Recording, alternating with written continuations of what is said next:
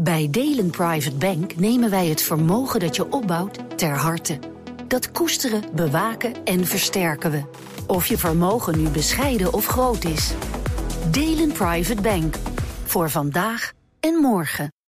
Crypto-update. Draai om de oren, verdient zo'n vlegel. Herbert Blankenstein is bij ons, presentator van BNR's CryptoCast... ons programma over bitcoin en andere digitale coins. Herbert, goedemorgen. Goedemorgen, heren. Ja, het is de week van de cryptobeurs die lang geleden over de kop ging, hè? Vertel. Um, nou, dan heb je misschien uh, de, het draaiboek van vorige week uh, dat voor je neus. heel goed kunnen. en toen was ik deepfake-video's. Toen was ik er zelf niet, dus dat kan heel goed kloppen. Uh, dan weet ik ja. dus bij god niet waar ik het over heb. Ik krijg dit in mijn draaiboek gezet. Maar dan gaan we gaan het hebben over deepfake en video's. Nou, daar weten we van deze ja, week. Precies. Dat kan ik dan uit eigen ervaring wel putten. We hadden dat filmpje waarvan we het, het Amerikaanse Pentagon zagen een, een, brandje bij het Pentagon. En het zorgde in 10 minuten tijd voor een verlies van 500 miljard op de Amerikaanse effectenbeurzen. Ja, nou, dat waren geen uh, bitcoins, kan ik je vertellen. Nee. Um, want in de cryptowereld wordt geklaagd over deepfake-video's door uh, cryptobeurs Binance. Die zeggen namelijk dat de, die kwaliteit zo goed is dat dat problemen gaat opleveren binnen afzienbare tijd. En dan hebben ze het over twee soorten problemen. Mm -hmm. Namelijk voor de cryptobeurzen zelf en voor de klanten.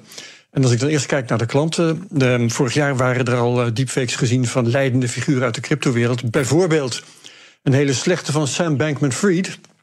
En die werd gebruikt om mensen hun crypto af te troggelen. Je weet wel, uh, maak nu even al die crypto aan mij over, dan stuur ik je morgen dubbele terug. Ja, ja. Dat soort trucs.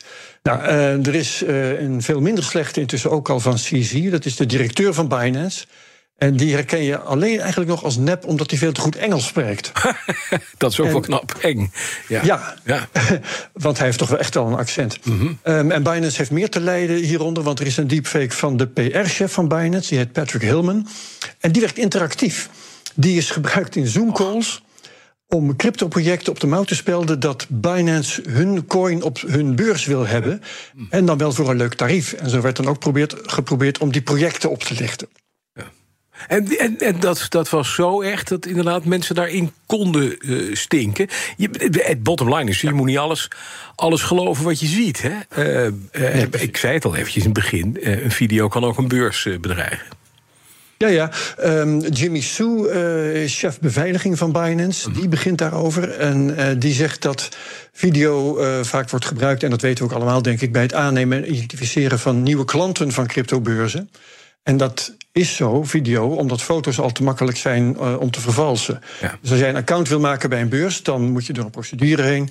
Allerlei hoepeltjes. Onder andere moet je een video van jezelf maken waarbij je mm -hmm. kleine opdrachten uitvoert. Kijk naar opzij, knipper met je ogen, dat soort dingen. Ja, ja. En Sue van Binance die zegt nou dat zulke video's ook al steeds makkelijker te vervalsen zijn dankzij AI. Mm -hmm. En uh, zijn dan ook uh, steeds moeilijker om geautomatiseerd eruit te filteren. Mens, mens, mensen kunnen ze nog wel herkennen, maar dat is ook niet zo lang meer het geval waarschijnlijk. Ja, maar dat is dus. Nou ja, dat betekent dat met de procedures van nu een valse account heel makkelijk te maken is op naam, naam van jou en mij, uh, om daarmee te gaan witwassen of andere fraude te plegen. Ja, en is dat voor de Binance's van deze wereld überhaupt op te lossen, dit probleem? Want dat lijkt me niet makkelijk. Um, nou nee, de boodschap van meneer Soe is dat daar dus nog geen goede oplossing nee, voor is. Uh, je, kunt wel, ja, je kunt wel meer menselijke controle gaan hebben, maar dat gaat niet schalen, zoals dat heet. Hè. Het moet allemaal wel goedkoop. Uh, meer AI bij het herkennen van video's die gemaakt zijn door AI, dat is een leuk idee, maar dat is een wedloop en die ga je niet winnen. Nee. Dus ja, de industrie zal op de proppen moeten komen met nieuwe bewijzen dat iemand geen robot is. Ja. En dat hij is wie die zegt dat hij is. Ja, je kent die, die dingetjes wel, ja. die uh, vakjes die je dan moet aankruisen. Ja. Want ja, langskomen bij een loket, dat gaat bij dit dat soort zit bedrijven. Er, dat zit er niet in. Nee. Dan, de, je zei het al even, de omgevallen beurs en in het nieuws. FTX sleept de managers van Embed voor de rechter. Uh, dat is een aandelenbeurs die FTX zelf heeft overgenomen. Ja, dat is een deal die beklonken is op 30 september 2022. Nog maar zes weken voordat FTX zelf over de kop ging. Ja. En die zaak wordt nu aangespannen door de huidige leiding van FTX. Mm -hmm. En zoals je weet, die zitten vooral om zoveel mogelijk geld, geld binnen te terug te harken ja. Voor, de, ja, voor de aandeelhouders en de klanten van FTX. En de klacht is nu dat FTX zelf veel te veel heeft betaald. Dat de managers van Embed dat wisten. Mhm. Mm -hmm. En dat ze daar niks aan hebben gedaan, omdat ze daar persoonlijk voordeel van hadden. Ja, maar dan zou je inderdaad kunnen zeggen: van ja, dit is, dit is een slecht pleidooi. Van ja, we waren een beetje dom, iets te veel betaald. Ach, maar toch, kunnen we ons geld terugkrijgen? Gaat dat stand houden bij de rechter? Nou ja, uh, dat weet ik niet. De, de prijs van 220 miljoen, er zijn dus wel goede, goede argumenten hoor. Uh, die vonden de managers van Embed zelf al veel te hoog. En dat blijkt uit berichten die ze elkaar hebben gestuurd. Een manager, ja, uh, ja. er zijn natuurlijk weer e-mails opgevraagd en zo. Een manager die gaf zijn mening over het, het resultaat van de bespreking met een cowboy-emotie. Zo van die cowboys bij FTX, die weten echt niet wat ze doen. Hm. Um, een ander argument is de bonussen die zijn uitgekeerd aan het personeel door FTX. Uh, er was een bedrag van 70 miljoen voor gereserveerd. 55 miljoen ging naar de CEO, mm -hmm. Michael uh, Giles. En de huidige FTX-leiding heeft uitgerekend dat over de periode dat die deal werd besproken, Giles ongeveer een half miljoen dollar per dag heeft gevangen.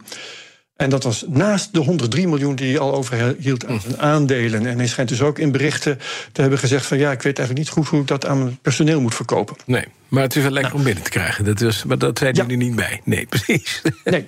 En FTX zegt nu dus: jullie konden weten dat het veel te veel was, dus betaal ja. maar terug. Nou ja, en daar moet een rechter zich nu over gaan spreken. Dat wordt spannend. Nou, ja. dan, wat heb je in de CryptoCast deze week, Herbert? Een hele bijzondere gast. En dat is Inge van Dijk, divisiedirecteur betalingsverkeer en marktinfrastructuur van DNB. Die hebben we ook niet elke dag over de vloer. Um, die gaan we uithoren over de digitale euro. Wat wordt dat voor een ding? Hoe gaan we hem gebruiken? Wat staat er eigenlijk al over vast en wat niet? En zij zegt onder andere, let op, dat er waarschijnlijk een maximum komt van een euro of 3000 aan digitale euro te goede per persoon. Dus serieus ermee sparen, dat zul je niet kunnen. En ze zegt heel stellig dat de digitale euro niet programmeerbaar wordt. Dus er komt geen geld waarmee je alleen eten kunt kopen en geen bier. Dat is dan weer een geruststelling. Dankjewel, Herbert Blakkestein. En dan? De crypto-update wordt mede mogelijk gemaakt door Bits, de bitcoin-spaardienst van Bitonic. Bij Delen Private Bank nemen wij het vermogen dat je opbouwt ter harte. Dat koesteren, bewaken en versterken we. Of je vermogen nu bescheiden of groot is. Delen Private Bank. Voor vandaag en morgen.